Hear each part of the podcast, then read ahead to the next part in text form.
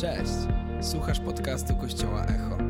Więcej informacji o tym, kim jesteśmy, znajdziesz na stronie echokościół.pl. Mamy nadzieję, że zostaniesz zainspirowany.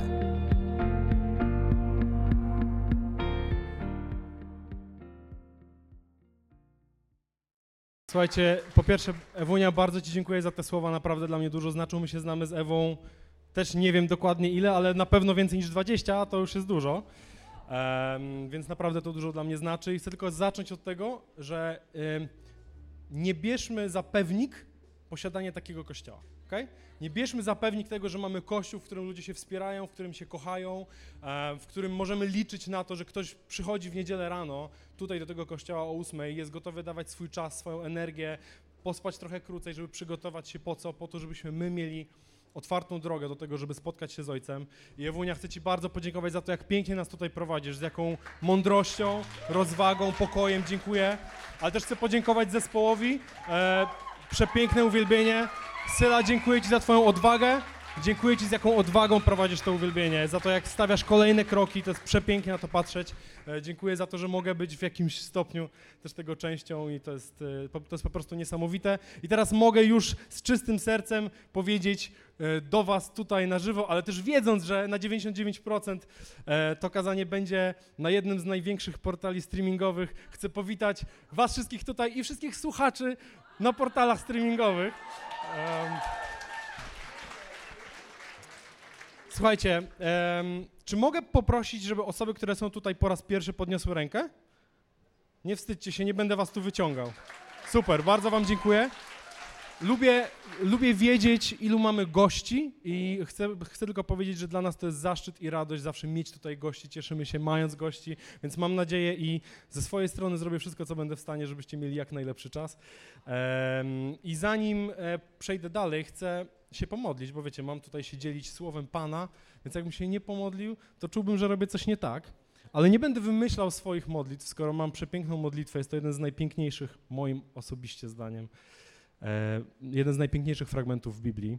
E, to jest Psalm 139 i to są jego ostatnie dwa wersety. I chcę was zachęcić, żebyście, możecie zamknąć oczy, nie musicie zamykać oczu, jak chcecie, ale niech to będzie nasza modlitwa na początek tego czasu, ok? Badaj mnie, Boże, i poznaj me serce. Doświadcz i poznaj rozterki. Zobacz, czy nie ma we mnie czegoś, co cię rani i prowadź drogą wypróbowaną od wieków. I wszyscy powiedzieli Amen. E, Słuchajcie, e, ci z was, którzy jesteście gospodarzami i ci z was, którzy może nie jesteście gospodarzami, jeśli nie wiesz, czy jesteś gospodarzem, na 99% nim nie jesteś, ale to jest absolutnie ok. Ciesz się z czasu bycia gościem, e, ale jeżeli jesteś tutaj regularnie, może więcej niż trzy razy, może więcej niż pięć razy, to chyba zgodzicie się ze mną, że jesteśmy w szczególnym sezonie wylania e, mocy, łaski i autorytetu Ducha Świętego w tym kościele. Amen. Doświadczamy co tydzień nowych cudów, doświadczamy mm, znaków, widzi- widzimy historię na własne oczy i słyszymy o nowych historiach, kiedy Bóg w swojej miłości w swojej łasce po prostu działa. I to jest przepiękne i chcemy to słyszeć, chcemy się tym inspirować, potrzebujemy kolejnych historii, które, wiecie, inspirują nasze serce i które zachęcają nas do tego, żeby wierzyć jeszcze bardziej, żeby ufać Jemu jeszcze bardziej. Amen. Em, ale też potrzebujemy tych historii, żeby przypominać sobie tak naprawdę, dla kogo się tutaj spotykamy, bo ja tak mam. Ja kocham to, że w niedzielę przyjdę tutaj rano i wiem, że będę w gronie swoich przyjaciół, czasami w gronie mojej rodziny, chociaż moja akurat rodzina e, mieszka e, raczej nie w tej części Polski, ale czasami się zdarza, że tu przyjadą. Jest tutaj moja żona, jest tutaj mój synek dwumiesięczny Teoś. E, I dla mnie to jest wielka radość, że ja mogę w niedzielę rano przyjść do mojego kościoła, do mojej wspólnoty ludzi i po prostu cieszyć się towarzystwem i wspólnym przeżywaniem Boga razem z moimi przyjaciółmi, z moimi najbliższymi. Ale tak naprawdę spotykamy się tutaj nie po to. I chociaż czasami jest taka pokusa, żeby tak myśleć, że przecież mogę mieć czas z Bogiem w swoim domu i nie muszę przychodzić w niedzielę, w niedzielę mogę mieć czas z ludźmi, e, to tak naprawdę przychodzimy tutaj dlatego, że to jest Jego dom i to On tutaj na nas czeka, a nie my Go tutaj zapraszamy. I potrzebujemy przypominać sobie, że spotykamy się tutaj ze względu na wszechmocnego, ale też suwerennego Boga. I mówię to nie bez powodu, że On jest suwerenny, bo suwerenny oznacza, że jest w mocy do zrobienia czegoś i jest decyzyjny do zrobienia czegoś. Więc te wszystkie historie, które tutaj doświadczamy, nie mamy na nie wpływu, ale możemy z radością i wdzięcznością patrzeć na nie i czekać na kolejne dowody na to, że On tutaj jest z nami. Amen?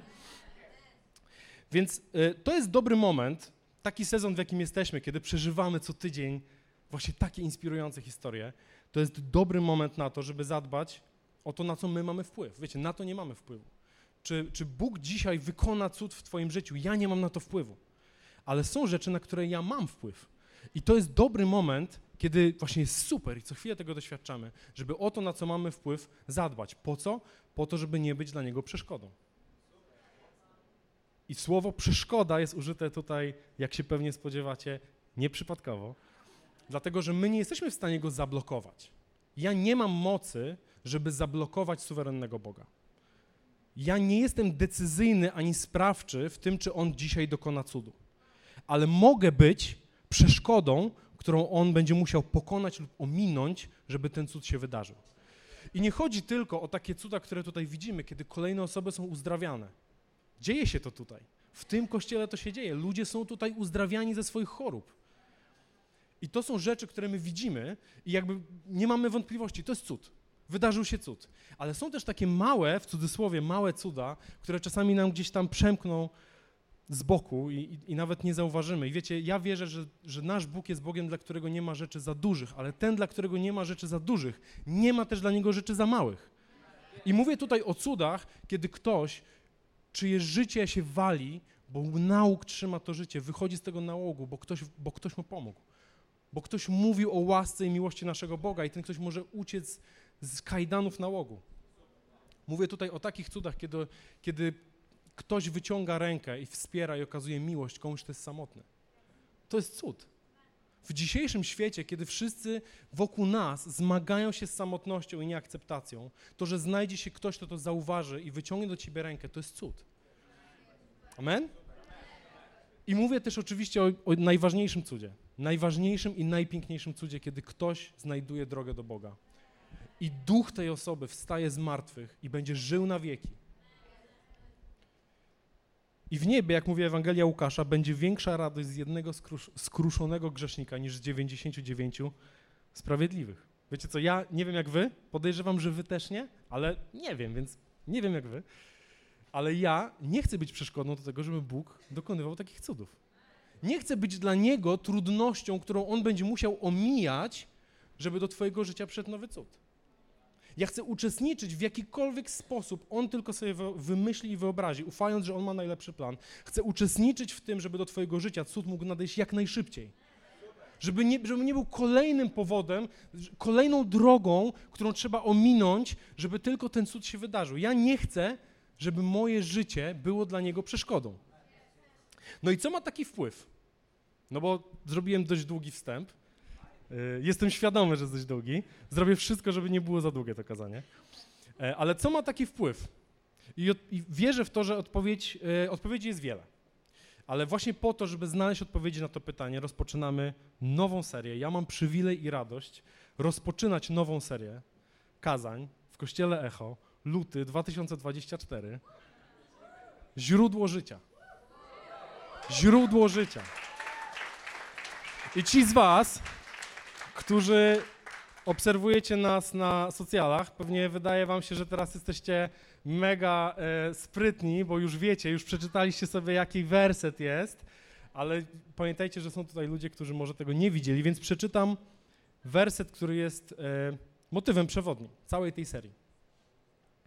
I to, jest, to są przypowieści Salomona, czwarty rozdział, 23 werset. Najczujniej ze wszystkiego strzeż swojego serca, bo z niego tryska źródło życia. Amen? To jest mój przywilej, że ja mogę jeszcze y, nie, że nikt przede mną jeszcze nie zaczynał tej serii, więc nie muszę się odbijać od tego, co ktoś powie. Więc mogę narzucić, w cudzysłowie, pewien obraz, który mi w głowie przyświeca, kiedy, kiedy po prostu myślę o tym. Jest takie przekonanie, że źródło, źródło jest początkiem na przykład jakiejś rzeki, prawda? Jest, jest takie przekonanie, że źródło to jest miejsce, gdzie ta woda się zaczyna i ona z tego źródła wypływa i to jest jakiś początek drogi. E, I teraz zanim pójdę dalej, muszę zadać to pytanie dla mojego spokoju wewnętrznego. Czy są na sali ludzie, którzy są geologami, geodetami, nauczycielami przyrody lub nauczycielami biologii. Dobra, dwie osoby, ktoś jeszcze? Okej, okay. wy szczególnie pilnujcie swojego serca.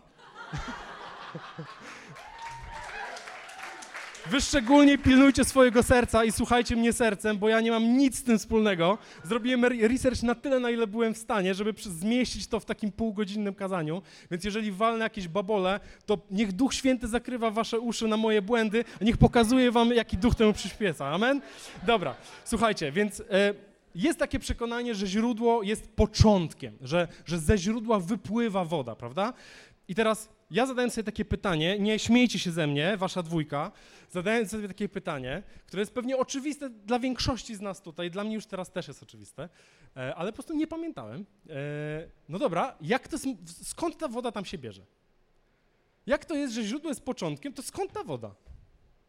Czy ona jest, jest po prostu takie ogromne zbiorniki, które się nigdy nie kończą? Czy jakiś jest, nie wiem, mechanizm chemiczny, który tą wodę produkuje cały czas? W ogóle o co chodzi? Skąd woda się w źródle bierze? Um, I na bank miałem to na lekcjach biologii, to wiem na 100%. E, nie byłem najlepszym uczniem w liceum, e, ale z powodzeniem udało mi się je skończyć, skończyć studia, więc chwała Bogu. I zacząłem szukać w internecie, bo nie mam fizycznie atlasów żadnych ani starych podręczników od biologii. Zacząłem szukać w internecie i, i uwierzcie mi na słowo. Zrobiłem wszystko, żeby ten research był jak najdokładniejszy. Przeczytałem masę artykułów, z których dwie trzecie słów nie rozumiałem, ale czytałem je i studiowałem o co chodzi. Chciałem wiedzieć, skąd ta woda tam się bierze. I chcę wam to tak wam, nie geologom, geodetom, przyrodnikom i biologom, wytłumaczyć swoimi słowami moją obserwację. Więc niesamowite jest to, że to słowo, że z niego tryska źródło życia, jest tutaj nieprzypadkowe. Dlatego, że woda, na przykład w postaci deszczu, spada na glebę, prawda? Znamy ten cykl wody. Spada na glebę i wsiąka w glebę. I spływa na dół, spływa, spływa, spływa pod, e, pod siłą grawitacji tak długo, aż nie trafi na coś, przez co nie jest w stanie przepłynąć. To może być jakaś skała, to może być jakieś coś, pewnie wy wiecie jeszcze lepiej, co to może być, jakieś rzeczy, których ja nie znam, e, ale w pewnym momencie woda trafia na coś, przez co nie jest w stanie już przepłynąć, więc co się z nią dzieje? Zaczyna płynąć w tym kierunku, w jakim to podłoże idzie. Tak? Do momentu, kiedy, kiedy woda wypływa na powierzchnię. W pewnym momencie ta woda spływa, spływa, spływa, nagromadza się i zaczyna wypływać na powierzchnię. I to nazywamy źródłem. Źródło to jest miejsce, w którym woda, która się nagromadza, wypływa, wytryskuje na powierzchnię. Um, I często my tego procesu w ogóle nie widzimy. Tak? No bo nie jesteśmy w stanie zobaczyć tej wody, która tam gdzieś w głębinach ziemi po prostu przepływa. Nie widzimy tego. Ale wiecie, czego też jeszcze nie widzimy? Nie widzimy tego, co się z tą wodą potem dalej dzieje. I może wy macie inaczej. Gdybym ja poszedł w góry i zobaczył jakąś taką, wiecie, właśnie źródełko, rzeczkę, to nie wiedziałbym, a dobra, to jest e, źródło, z którego wypływa ta rzeka. Nie wiedziałbym tego. Nie jestem w stanie tego sprawdzić, wy pewnie też nie jesteście w stanie tego sprawdzić. Nie wiemy, co się z tą wodą dalej dzieje. Widzimy to, ten efekt, tego, to źródełko tu i teraz. I chcę wam podać przykład takich dwóch źródełek. Źródełek. Czy mogę poprosić o zdjęcie pierwsze? Fajna. Fajna taka rzeczka, nie najmniejsza. Fajnie. E, wesołepodróże.pl e, Nie mamy współpracy, ale mówię teraz, jeżeli chcecie mieć ze mną współpracę, a przesłuchacie tego na Spotify'u, odezwijcie się do mnie. E, ale nie mamy współpracy, nie zapłacili mi za to. Po prostu nie mam umiejętności graficznych, żeby usunąć ten napis, tak żeby nie było tego widać. E, dobra, drugie zdjęcie poproszę. To jest drugie zdjęcie. Takie źródełko, taki, wiecie, kilka kamyków, trochę wody, nie? I te dwa źródeł, źródełka to są źródła Wisły. To są źródła największej, najdłuższej rzeki w Polsce. I kilka ciekawostek o Wiśle. Trzy dokładnie. Ponad tysiąc kilometrów długości. Przepływa przez przez 75 miejscowości w naszym kraju. I wpływa do Morza Bałtyckiego, wtłaczając do niego 32 biliony litrów wody rocznie. Mogę poprosić jeszcze raz, naj, najlepiej to drugie zdjęcie, bo jest mniejsze to źródełko, więc efekt jest lepszy. Z takiego źródełka wypływa rzeka, która przechodzi przez cały nasz kraj, 75 miejscowości, płynie 1000 kilometrów do Morza Bałtyckiego i wtłacza 32 biliony litrów wody rocznie. I to źródełko, gdyby miało rozum, nie, nie wiedziałoby, jak ogromny wpływ na cały kraj ma, nie wiedziałoby, że, że ta rzeka historycznie była głównym szlakiem handlowym w naszym kraju, że wokół tej rzeki były budowane miasta. Nie wiedzia- to źródełko by o tym nie wiedziało. Nie widzimy tego, co, z nas wypływa woda i nie jesteśmy w stanie przewidzieć, co się z nią dalej wydarzy. I to źródełko, ono nie produkuje wody. Ono nie jest miejscem, gdzie ta woda, te 32 biliony litrów wody rocznie, jest produkowane. To jest miejsce, z którego woda, która wlatywała w glebę, wypływa. ok? I nasze serce, wracając do naszego fragmentu, nasze serce jest źródłem właśnie takiej wody. Jest, jest źródłem życia. Samo, nasze serce samo nie produkuje życia. Nikt z nas nie produkuje życia. Ale z naszego serca może wypływać życie, które wcześniej jest wtłaczane w tą glebę. I tak naprawdę wtłoczyć to życie może tylko ten, który samo sobie mówi, że jest drogą, prawdą i życiem. Ten, który jest wodą życia, może wtłoczyć w ciebie wodę, a z twojego serca to źródło wypłynie lub nie. Amen?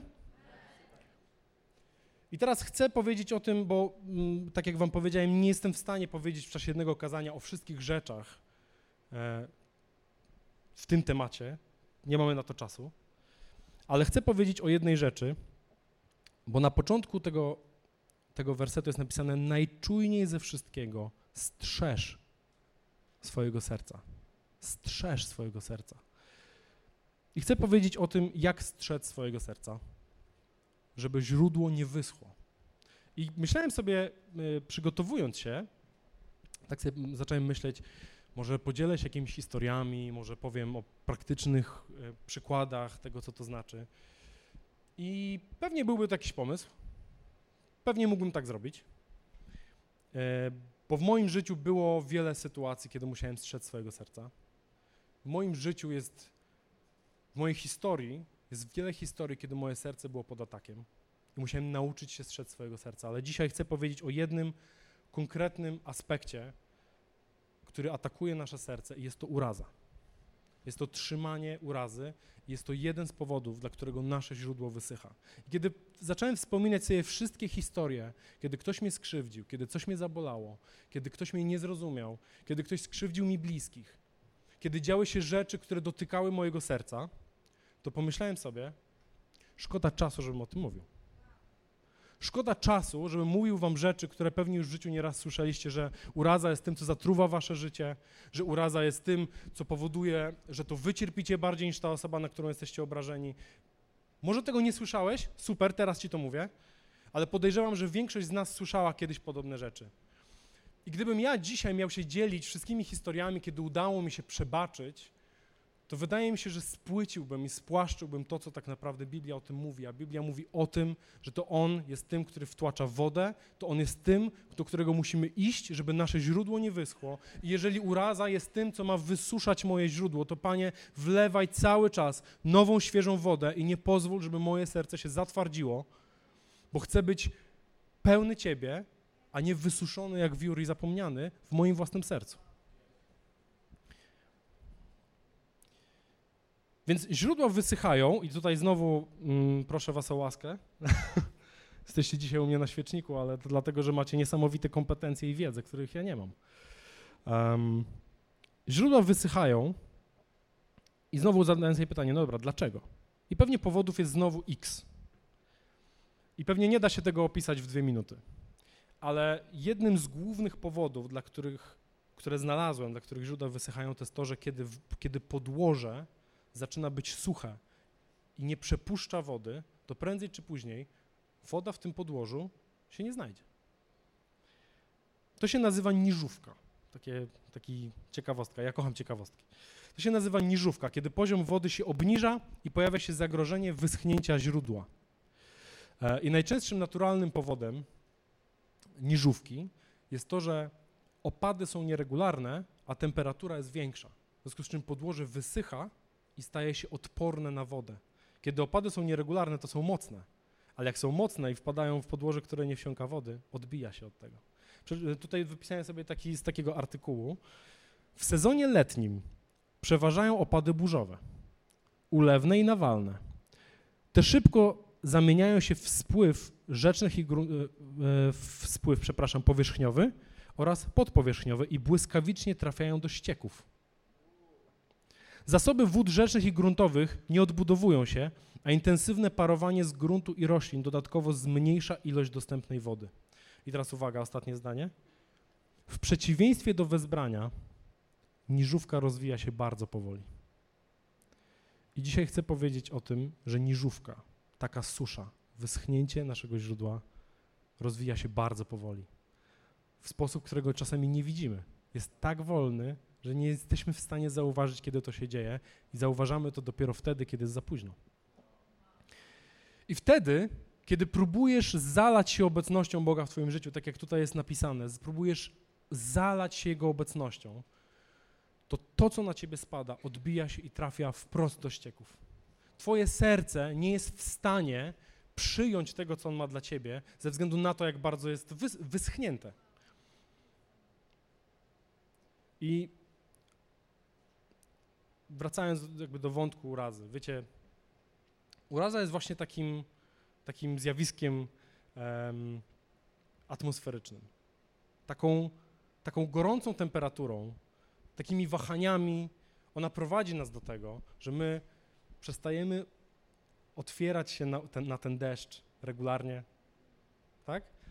Zobaczcie, co tu jest napisane. W sezonie letnim e, przeważają opady burzowe, ulewne i nawalne. Zasoby wód rzecznych i gruntowych nie odbudowują się.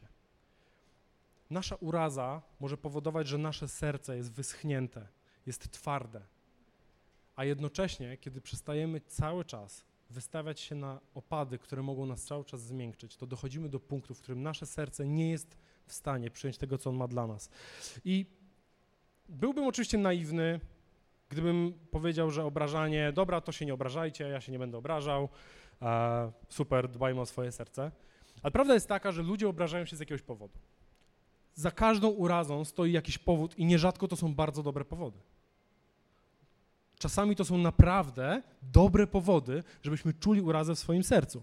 Obrażanie się jest mechanizmem obronnym, tak naprawdę. Kiedy czujemy, że ktoś zaatakował nasze wartości czy nasze priorytety, powiedział lub zrobił coś, co uderza w nas osobiście, i my po prostu nie umiemy poradzić sobie z emocjami, które są wewnątrz nas. Nie umiem poradzić sobie z tym, że ktoś zaatakował coś, co jest dla mnie tak ważne. Nie umiem poradzić sobie z tym, że ktoś powiedział o moich najbliższych coś, na co nigdy w życiu mi się nie zgodził i, w, i budzą się we mnie emocje, których nie jestem w stanie opanować, bo to jest dla mnie zbyt ważne. Więc to jest mechanizm obronny. Obrażam się, nie chcę mieć z tym człowiekiem nic do czynienia, nie chcę z nim gadać. Nie chcę wystawiać się na towarzystwo takiej osoby. Może potrzebujesz uwagi i chcesz się z kimś spotkać i prosisz 15 raz, spotkajmy się, a ktoś cały czas nie ma czasu. Nie chcę, nie chcę czasu tracić dla kogoś takiego. Ja potrzebuję kogoś, kto o mnie dba, kto jest mną zainteresowany. Nie chcę, nie chcę mieć z nim nic do czynienia, on ciągle mnie olewa, nie odpisuje mi. I trzy powody najczęstsze, dla których się obrażamy. Pierwszy, niskie poczucie własnej wartości. Pierwszy powód, niskie poczucie własnej wartości oznacza, kiedy nie jesteś tak mocno pewny swoich wartości, to każdy atak w te wartości odbierzesz osobiście. Kiedy nie jesteś pewny tego, w co wierzysz i tego, czym żyjesz, to moment, w którym ktoś to podważy, potraktujesz osobiście. Drugi, najczęstszy powód to jest potrzeba uwagi. Potrzebuję, żeby ktoś na mnie zwrócił uwagę. Czuję się samotny. Potrzebuję innego człowieka i chcę, żeby to była ta osoba, ale ta osoba nie chce. Nie chce mieć z tą nic do czynienia. To jest drugi powód. I trzeci powód jest e, dla mnie osobiście najbardziej zaskakujący. To jest poczucie winy. I tak na początku, jak sobie to przeczytałem, bo to też jest z pewnego artykułu, to nie jest moje, mój wymysł. Um, jak na początku sobie to przeczytałem, to mówię, kurczę, trochę dziwne. Mam poczucie winy, więc obrażam się na innych, trochę mi się to nie klei. A potem zacząłem przypominać sobie wszystkie historie z mojego życia. Kiedy czułem, że nie dowożę, kiedy czułem, że jestem nie w porządku, kiedy czułem, że nie radzę sobie z rzeczami, popełniam błędy. Te wszystkie momenty wróciły do mnie, kiedy zacząłem o tym myśleć, że kiedy było mi łatwiej poszukać powodu, żeby zdemonizować kogoś, niż zderzyć się z tym, że ja sam nawalam.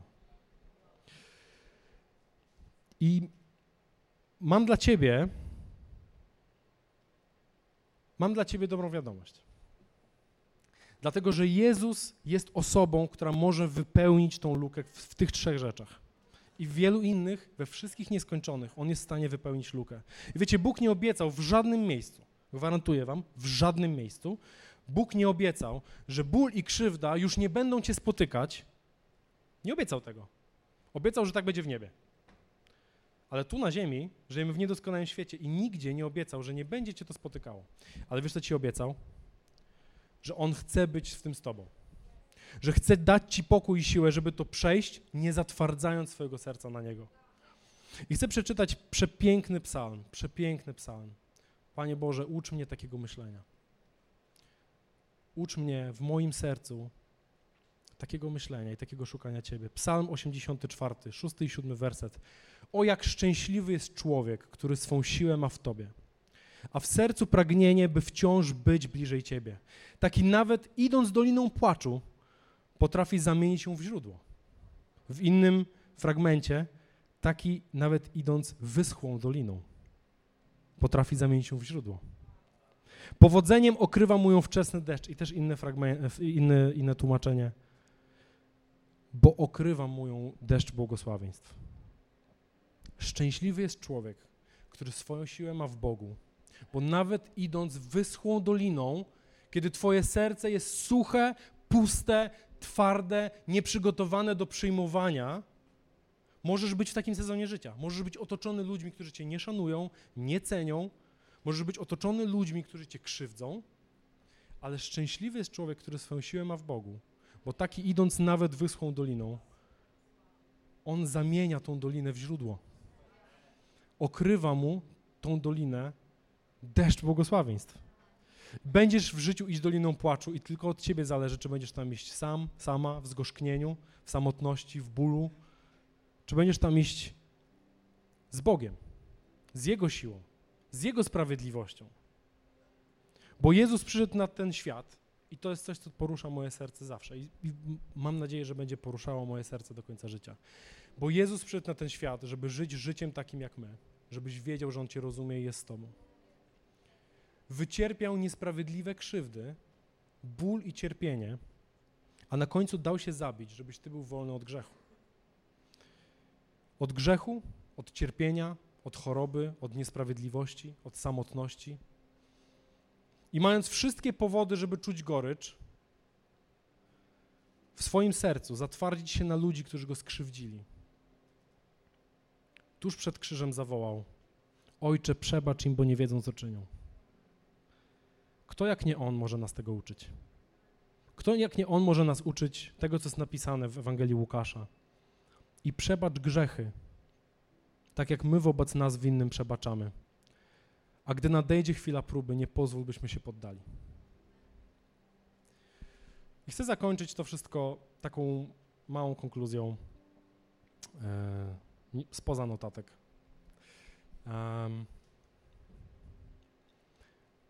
Szkoda czasu i szkoda życia, szkoda przyszłości, a przede wszystkim szkoda wieczności na to, żeby Twoja uraza, cokolwiek Cię dzisiaj więzi, i chcę Ci powiedzieć, możesz mieć świetny powód. Może ktoś cię skrzywdził. Może ktoś naprawdę cię skrzywdził. Może ktoś naprawdę zrobił ci coś złego. Szkoda życia i szkoda twojej wieczności, żebyś miał zatwardzić swoje serce na tego, który chce ci dać pokój.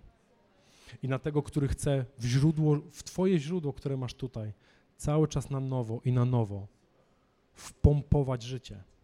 A nie wiesz, nie wiesz, jaki będzie tego efekt, jak daleko to źródło popłynie. Dziękujemy, że byłeś z nami. Mamy nadzieję, że zostałeś zainspirowany. Więcej podcastów możesz posłuchać na naszej stronie echokościół.pl